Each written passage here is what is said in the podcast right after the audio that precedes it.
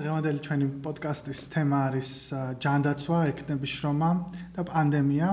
ჩვენი დღევანდელი სტუმარი არის სოლიდარობის ქსელის წევრი, პროკავშირების ახალი გაერთიანების თანადამფუძნებელი გამგეობის წევრი, ექთანი, ძალიან ძლიერი მებრძოლი ადამიანი, ნონა ზანდარაშვილი.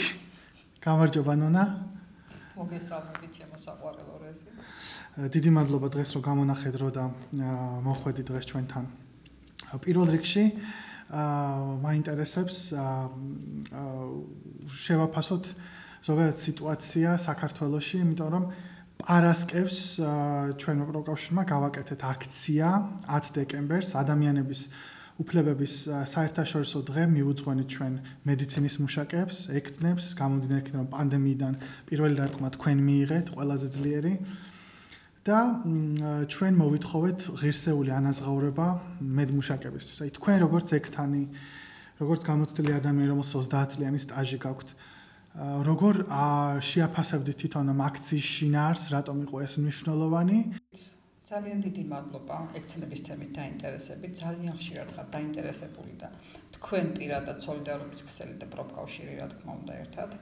ა მინდა აღვნიშნო რომ ექთნების ხელფასი ხელფასით დაინტერესება ეს იმას არნიშნავს, რომ მხოლოდ ექთნების კეთილდღეობაზე კეთდება აქცენტი. მინდა ყველა მიცოდეს, რომ აქ უპირველესად კეთდება აქცენტი პაციენტებზე.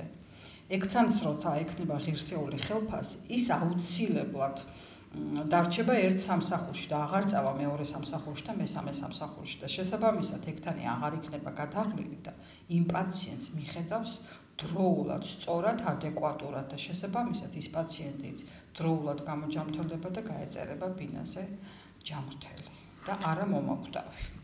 ეხლა თქვენი პასუხიდან გამომდინარე, აა რამდენად მიგაჩნიათ არის თუ არა დღეს კადრების ნაკლებობა ქვეყანაში, ექნების ნაკლებობა, რადგან თქვენ ამბობთ რამდენიმე სამსახურში უწევთ ექნებს ერთმანეთთან მუშაობა, უწევთ მუშაობა, რამდენად რამდენად სერიოზულია ეს პრობლემა და რა შეიძლება იყოს ამის გამომწვევი ძირითადი მიზეზები? მართლაც ბრძანებთ მართალია დაბალი ანაზღაურების გამო ექთანი ორ და სამ სამსახურში მუშაობს. თუმცა რომც იყოს ღირსეული ხელფასი ეს პრობლემა რჩება კადრების ნაკლებობა და გინდა არ გინდა შევსებას თვითონ ადმინისტრაცია და უშუალოდ უშუალო ხელმძღვანელები გთხოვენ რომ შეითავსოთ ეს რა ქვია კადრების დეფიციტის გამო სხვა სამსახურებიც და ვერასოდეს ვერ იქნება, ყოველთვის იქნება ექთნების დეფიციტი, ვინაიდან აღარავის აღარ სურს ჩვენს ქვეყანაში ექთნის პროფესია, ვინაიდან ძალიან დაბალი ანაზღაურება არის.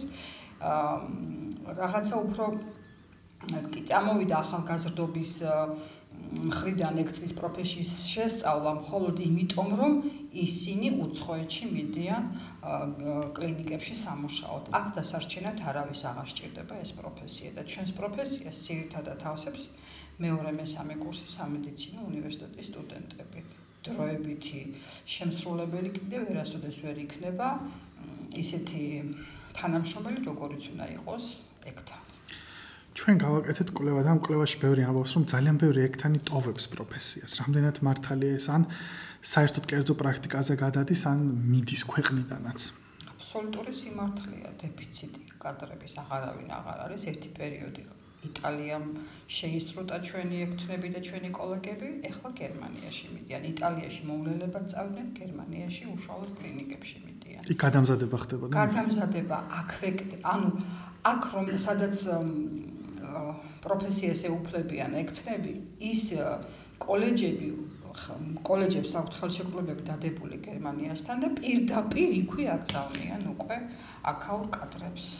ენას ასწავლიან თვითონ უცხოენას ასწავლიან თვითონ. დღევანდელ დღეს, ანუ რამდენად შეგვიძლია ჩავთვალოთ ამის გამომწვევი ან გამაპირებულ მიზეზად თვითონ ჰოსპიტალურ ქსელში არსებული პოლიტიკა, ანუ კერძო, როდესაც არის ეს კერძო ჰოსპიტალური სექტორი, რამდენად ეხმარება ექთნებს თუ უფრო ამწოვებს სიტუაციას თქვენი გადმოსახედიდან. კერძო სექტორის შექმნა, კერძო ჰოსპიტალიზაციამ შექმნა და გამწოვა ეს პროცესი. იმიტომ რომ აქ აბსოლუტური თავისუფლება აქვს ჩვენს ქვეყანაში კერძო სექტორს, ჯანდაცვის სექტორს, ჰოსპიტალურ ქსელებს და როგორც უნდა თვითონ აწესებენ ხელფასებს ამის გამკონტროლებელი და არანაირი ბერკეტი სახელმწიფოს არ გააჩნიან ნებაყოფლობით უხდიან სულ ყოველას თავიანთ ხელფასებს ამ ჩვენთან კოლეგებს ასე რომ ვთქვათ და საყოველთაო დაფინანსებით შედის ძალიან დიდი თანხები იმ და იმ თანხებს იყოფენ თვითონ და რა თქმა უნდა კაპიკებს აძლევენ ექსპენსებს და სანდრებსაც საყოველთაო დაფინანსებას რომ ამბობთ ეს საყოველთაო დაზღვევას კი საყოველთაო დაზღვევაზე მოგსაუბრებ ანუ თქვენ ამბობთ რომ საყოველთაო დაზღვევის შემოსვლამ შემდეგ კერძო ბიზნესის მოგება უფრო გაზარდა ხო? კი გაზარდა კერძო ბიზნესის მოგება და გაუარეს და პაციენტების და საშუალო მედპერსონალის სიტუაციას იმიტომ რომ და რეალურად არ ხდება პაციენტებზე ზრუნვა გამომდინარე იქიდან რომ თვითონ მე მე პერსონალზე არაფერი არ იხარჯება. მე პერსონალზე არაფერი არ იხარჯება და იცით როგორ არის ადრე როცა პაციენტი თვითონ იხდიდა მკურნალობის საფასურს ან მედიკამენტს ყიდულობდა იმას ყოველთვის თხოვდნენ რომ ხარისხიანი მედიკამენტი ეყიდა. და ეს ხარისხიანი მედიკამენტი მართლა ხმარდებოდა პაციენტზე შესაბამისად შედეგებიც იდებოდა გამოჯანმრთელებული პაციენტები უფრო ხშირი იყო რა თქმა უნდა და ეხლა ხდება ისე რომ ეს საყოველთაო დაფინანსებით შემოსულ პაციენტებზე დაბალ ბიუჯეტიან წაბლებს ყიდულობენ და ერთჯერადი მოხმარების საგნებსაც ეუბნებიან მიხმარეთ მრავალჯერადად და ეს ყველაფერი ეკონომიას ქმნის და ბიუჯეტი არ იხარჯება და პაციენტზე გამოყოფილი ბიუჯეტი არ იხარჯება პაციენტისთვის ის რჩება კლინიკის ბიუჯეტში და შესაბამისად მოგებაც აქედან ხდება. ამასთან ერთად ახლა გადავიდეთ რეალურად პანდემიურ სიტუაციაზე. ძალიან ბევრი ექთანი ამბობს და ამბობდა, რომ იყო ძალიან დიდი დატვირთვა და თქვენც აღნიშნეთ, რომ იყო ძალიან დიდი დატვირთვა და პაციენტებისა და ექნების თანაფარდობა წარმოუდგენელი იყო. მაგალითად, თუ სტანდარტი არის, რომ ერთ ექიმზე ქვეყანაში მოდიოდეს 3 4 ექთანი საშუალო, ჩვენთან ერთ ექიმზე მოდის 0.8 ექთანი, რაც არის ძალიან დაბალი. და აქედან გამომდინარე პანდემიამდე დაახლოებით 20-15 შეიძლება 11 პაციენტი წავდათ ცვლაში ერთ ექთანს. ეს სიტუაცია როგორ შეიცვალა, გაუარეს და გაუმჯობეს და თვითონ პანდემიის დროს ან დასაწყისში ან ეხლა? ხო, რანაირად გაუმჯობესდება? ვითომეტეს პანდემიის დროს, ჯერ დავიწყოთ იქიდან, რომ ექთნებიც ინფიცირდებიან, ხო? რა თქმა უნდა. ერთი ექთანი რომ დაინფიცირდება, გამოდის რომ სამ სამსახურს აკოდება, ხო? ადგილზევე ან სხვადასხვა კლინიკაში. გამოდის რომ ვიღაცა ძალიან იტვირთება, ხო ის ისე დატვირთული იყო და კიდე იტვირთება. მე ეხლა ექთანს რომ ყავს ეხლა თერაპიულ განყოფილებაში 15 პაციენტი, მაგრამ რეანიმაციაში 15 პაციენტი რო ყავს ერთ ექთანს. აი რომელ ხალხზე ალაპარაკი? იქ მხოლოდ ღამის გათენებაზეა ლაპარაკი და თუ ვინმე გადარჩება, ანუ ალბათ როიტყვენ ღმერთისნებით გადარჩა. ძალიან ძმე სიტუაციაა წარმოუდგენელი. ექნების უმეტესობა იმასაც ამბობს, რომ ანუ ყველანაირ კონტროლს გავიდაო სიტუაცია განსაკუთრებით პანდემიის დროს დასაწყისში, როცა არ იცოდნენ პანდემიის მართვა ძალიან ბევრი ექნები, როგორც თქვენ აღნიშნეთ, დაავა და გარდაიცვალა სამუშაო ადგილზე. ეს იყო მართლაც წარმოუდგენელი პერიოდი და ზოგადად მე ვუყურებ ესე რომ ჩვენი ჯანდაცვის სექტორი და ჰოსპიტალური სექტორი ძალიან მომზადებელი დახვდა პანდემიას. გამომდიდე მოცემულ თქვენ როგორ შეაფასებთ ამას? ჩვენი ჯანდაცვის სექტორი მარტო პანდემიაზე კი არ ყველაფრისთვის მომზადებელია. ხოლმე და მხოლოდ ბიზნესზე ორიენტირებული ჯანდაცვა გვაქვს ჩვენ.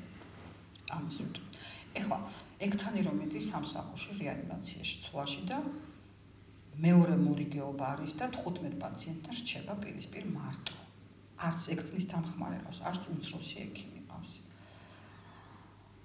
მიდის ადმინისტრაციაში და ეუბნება რომ აი მომდენო მორიგეობაზე რომ მოვალ და დამხვდება 15 პაციენტი და მარტო მე ვიქნები ვიხურებ ხუთს და ვბრუნდები უკან. პასუხი არ გაინტერესებთ? უი, არ ვიცოდით ძალიან შენ თუ 15 პაციენტთან მარტო მუშაობ, ჩვენ არ ვიცოდით. წარმოუდგენელი სიტუაცია. და ამ დროს ყველა კამერაში გიყურებს და პირბადე რომ მოიხსნა ჯარცურაც გიღებენ და ჯარიმას გახდევინებენ და მარტო რომ მუშაობთ 15 პაციენტთან, ის არ იცოდა არავინ. ანუ ხდება ექნების დაჯარიმება კი კი ყველას დაჯარიმება ხდება პირბადეებს და ეხლა ეს ეს ეს ვინა ან თვითონ ჰოსპიტალი აჯარიმებს 600 ანუ საჰოსპიტალი მაქედანაც იღებს ფულს რეალურად. გასაგებია. თვითონ სახალფასო სიტუაციაზე გადავიდეთ ახლა. როგორ რო შევადაროთ მაგალითად კოვიდამდე არსებული ხელფასები ნუ ჩვენი კვლევით ნუ დაახლოებით 300 ლარი დაჯდა 2019 წლის გამოქვეყნებულ კვლევაში სოლიდარობის ქსელის ჩვენი გაერთიანების პროკავშირის და 2021-2020 წლებში გაუმჯობესდა თუ არა სახალფასო სიტუაცია ექთნებისთვის ზოგადად და მე კონკრეტულად უშუალოდ იმ მედპერსონალისტვის და ექთნებისთვის ვინც მუშაობენ COVID პაციენტებთან თერაპიაზე, აკეთებენ ტესტებს და ან და არიან იმუნიზაციაზე პასუხისგებელი. აა იცით რა არის პანდემიამდე კიდე სხვა კურსი იყო ჩვენი ეროვნული ვალუტის ასე რომ ვთქვა და დღეს კიდე სხვა კურსი არის ხომ გაუარესებულია და ჩვენ გამოდის რომ გროშები გვაქვს იგივე ხელფასი და გროშები. როგორ გაუმჯობესდა როდესაც დანამატები არ მიუღია ყველა კლინიკას? ხომ ეს ფაქტია და ყველა ვიცით და ისიც არ ისიც არავინ არ ეცოდა რამდენი უნდა ეყოთ დანამატები. და თუ ეკუთვნოდათ ისიც არ ეცოდა აღმოჩნდა რომ მოგმართვეს ჩვენ და ნახეთ რომ დანამატები ეკუთვნოდათ თურმე სოლიდური. სახელმწიფო იხდის მაგრამ არ მიდის დანიშნულების ადგილზე ასე რომ ვთქვათ რაც შეეხება აცრებს ვაქცინაციას და ეს PCR ტესტებს, სწრაფ ტესტებს, სწრაფი ტესტის ფასი ნამდვილად არ ვიცი, მაგრამ აღმოჩნდა რომ PCR ტესტების ფასებიც გავიგეთ, ხო? რა სიხდის თითოეულ ტესტის აღებაში. ჩვენ ხო კარგად გვახსოვს რომ შუახევის ექთნება გითხრეს რომ 25 თეთრს გვიხდიანო თითო პაციენტშიო PCR ტესტის აღებაშიო და იმასაც აღარ გვაძლევენო. იმასაც აღარ გვიხდიან თვეებიო და ცოტა ხნის წინ ვესაუბრე ჩემ კოლეგას და ასეთი პასუხი გითხრეს, რომ წყნარად იყავითო თქვენ ხელფასზე გერიცხებათ. ანუ ცალკე ნურაფერს ნუ ხელფასი იგივე შეგულობენ და აიუნებენ რომ ყველაფერი მან შედისო, რასაც თქვენ აკეთებთ ამ კოვიდ პაციენტებთან მუშაობის დროს. მიუხედავად იმისა, რომ ჩვენ ის რა ვქო მოთხოვნა გავაკეთეთ PCR ტესტებთან დაკავშირებით და რა აღმოჩნდა, იცით? პირველი მარტამდე იყო სხვა ტარიფი, როცა 120 ლარი ღირდა და იცლებდნენ 30-35 ლარს თვითონ ტესტში და პირველი მარტის შემდეგ 20 ლარს იღებენ. თვით ესე გამოდის რომ მე რო ტესტს ვაკეთებ, იქიდან 20 ლარი ჩემია. მაგრამ არავინ არ ხებულობს ამ. ამის კონტროლი არ ხერდება ხო სახელმწიფოს მხრიდან? თქმა არ კეთდება. და თქვენი აზრით, ანუ შრომის ინსპექციამ გამოიკვლია ესენი იკვლევს თუ ჯერ არ ვიცით რა ხდება სიტუაცია? შრომის ინსპექციამ როგორც ვიცით, დაწყებული აქვს ისიც ვიცით, ის კულუარულად ადგილობრივი თანამშრომლები გვირეკავენ და გვეუბნებიან, რომ აი ჩვენთან შემოვიდნენ, დაკითხვა გამოიწყეს, კითხეს რაღაცებს და გაუგნებულები მიდიან. კი დაიწყო, მაგრამ ნუ ან შედეგი რა გვაქვს? არაფერი, ისე ვადებს აძლევენ ამ კლინიკებს, რამოდენიმე თვე, რომ გამოასწორონ რა ვიცი ამ პანდემიაში თუ გადარჩებიან ის ექთნები, იმედია მიიღებენ გამოსასწორება ვადებში ხელფასებს. ნამდვილად გეთახმებით, იმიტომ რომ ჩვენ მაგალითად გქონდა შემთხვევები, რომ ერთის ხრივ არ ურიცხავენ იმ კუთნილ ხელ დანამატებს, რაც ეკუთვნით მათ სახელმწიფოსგან გამოყოფილი, ანუ სახელმწიფო კერძო ბიზნეს უკეთებს სუბსიდიას იმისთვის, რომ ეს მივიდეს უშუალოდ მედპერსონალამდე და მედპერსონალს კონდეს ანაზღაურება სინამდვილეში ადმინისტრაცია სადმე აქვს ფული ხშირ შემთხვევაში ჩვენ არ ვიცით, იმიტომ რომ ეს არ ხდება დაცვა. ეს ჩვენი პროპკავშირიდან ვიცით, ჩვენი ექნებისგან ვიცით. და ეს მართლა სამწუხარო რეალობა და ამის კონტროლი ნამდვილად არ არსებობს. იყო შემთხვევა, როდესაც თბილისში Kroll Medical Corporation-ი ვაკეში, ვითომ პრესტიჟულ ცენტრალურ უბანში, მაისიდან სექტემბრამდე არ ქონდათ არამხოლოდ დანამატი მიღებული, იმიტომ რომ საყოველთაო იმუნიზაციაში ჩაერთვნენ ივნისში. არამედ ხელფასებიც არ ყოფილა მიღებული. როგორც მახსოვს ტესტებზეც არ ვხდით. ტესტებზეც არ ვხდით.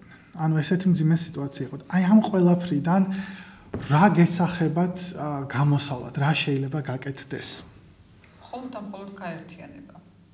სხვა არაფერი გამოსავალი. ანუ ჩვენ ქვეყანა მიშვებულია თავის ნებაზე. ერთი დიდი აა რა დავარქვა, შეპესია რა, ასე ვთქვათ რა. ყველა თავის ნებაზე მუშაობს და აკეთებს რასაც ანუ ჩვენი მშრომელის ინტერესებს არავინ არ იცავს.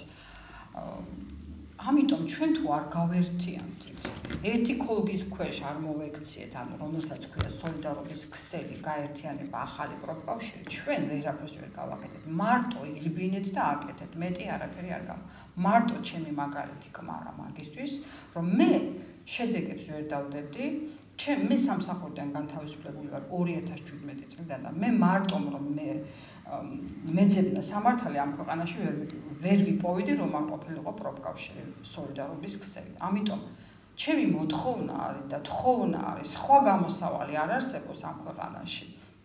რომ ერთად უნდა გავერთიანდეთ, შევქმნათ დიდი პროფკავშირი სამედიცინო და მე მოთხოვთ ჩვენს დამსაქმებლებს ჩვენი უფლება მოვალეობების კეთილსინდისიერად დაფასების და ანაზღაურების. ისე სხვანაირად არ გამო ჩვენ ჩვენი ქვეყანა არ ვიცავს და ჩვენ უნდა დავიცვათ ჩვენი თავი. გეთახობთ, მე როგორც ვიცი, თქვენ ხართ ერთ-ერთი ექთანი, რომელიც 2017 წელს ეს არაკანონიერი შემცირება გააკეთა იაშვილმა, როგორც ვიცი. ნუ, თავისთვის რო კითხო კანონიერი. ხო, მაგრამ სამწუხაროდ სასამართლოს ორმა ინსტანციამ უკვე თქვენ თქვენ თქვა გადაწყვეტილება თქვენ სასარგებლოდ მიიღო. აქედან გამომდინარე, ნამდვილად პროფკავშირი ამ შემთხვევაში დაგიცვა. თუმცა ეს საკმარისი არ არის, როგორც თქვენ აღნიშნეთ და საჭიროა გაერთიანება, გადავდგათ ნაბიჯი, ვიყოთ ერთად, ვიბრძოლოთ ერთად და ჩვენ აუცილებლად მივახტავთ ჩვენ მიზანს, იმიტომ რომ არც ერთ ქვეყანაში არც ერთ საზოგადოებაში მედმუშაკების თუ ნებისმიერი მშრომელების ფასი არ იქნა დაფასებული ბრძოლის გარეშე. ის რომ მაგალითად ჩვენ ვამბობთ რომ ევროპაში არის ახლა უკეთესი ხელფასები, ეს არის ხშირად ძლიერი პროპკავშირების დამსახურება. ეს თავის თარმოსულა. ხო, შეიძლება არც ევროპაში არ არის ხელფასი ექთნისა, რაც უნდა იყოს. გეთახმებით. გადინება ხდება უკეთეს ქვეყნებში, ასე რომ თქვა და იმიტომ ეკაჩებიან ჩვენ ჩვენ ექთნებს, რომ წაიყვანონ სამუშაოდ და ამუშაონ, იმიტომ რომ იქაც დაბალანაზღაურება თვითლებით, მაგრამ შედარება რომ შედარება რომ გაკეთდეს, იქ წასული ექთანი, ну ბედნიერების ზე იმას იმას იბერო. ფიზიკური გადარჩენისთვის მაინც არ გიწევს ბრძოლა, მოდი ასე ვთქვა. ხო, და ნამდვილად არ გიწევს და უკვე სხვა დაკმაყოფილებებზე გადადიხარ, სხვა რაღაც ამბიციები გიჩდება და აქ თუ ქირას იხდიდი, იქ უკვე ბინას ყიდულობ. გასაგებია, დღეს ჩვენ ქვეყანაში ნამდვილად ვერ ვერ ვერ ვიარსებებ თუ თქვენ როგორც წინახაზის მშრომელები, ადამიანები, რომლებიც პირველი მიიღეთ დარტყმა, თქვენი საშრომა თუ არ დაფასდა ჯანდაცვა ვერ დადგება ფეხზე თქვენს garaშე და ჯანდაცვის garaშე ქვეყანა ნამდვილად ვერ დადგება ფეხზე. ძალიან დიდი მადლობა ნონა პოდკასტში მონაწილეობის მიღებისთვის. ურმესი მადლობა. იმედია ჩვენ გავაგრძელებთ ჩვენს ბრძოლას და გავიმარჯვებთ აუცილებლად. მე კი დღეს გემშვიდობებით. კაი, ბრძანდებოდეთ. მადლობა და მინდა კიდევ ერთხელ თქვა, რომ ეს ღირსეული ხელფასი მარტო ექთნებისთვის არ არის. დამერწმუნეთ ხალხო, რომ ეს არის პოტენციური ავანტყოფები ვიქნებით ჩვენ ყოველთვის და ჩვენთვის არის, იმიტომ რომ თქვენ თუ გინდათ მიიღოთ ღირსეული სამედიცინო მომსახურეობა, უნდა თქვენც დაგვიდგეთ გვერდზე. იმიტომ რომ უპირველესად თქვენი მოთხოვნა უნდა იყოს იმ რომ ჩვენ მივიღოთ ღირსეული ხელფასი და არ ჩავიხოცოთ სამ-სამსახურში და მე არ დარჩეს პაციენტი ექთნის გარეშე. ნამდვილად. მადლობა. მადლობა.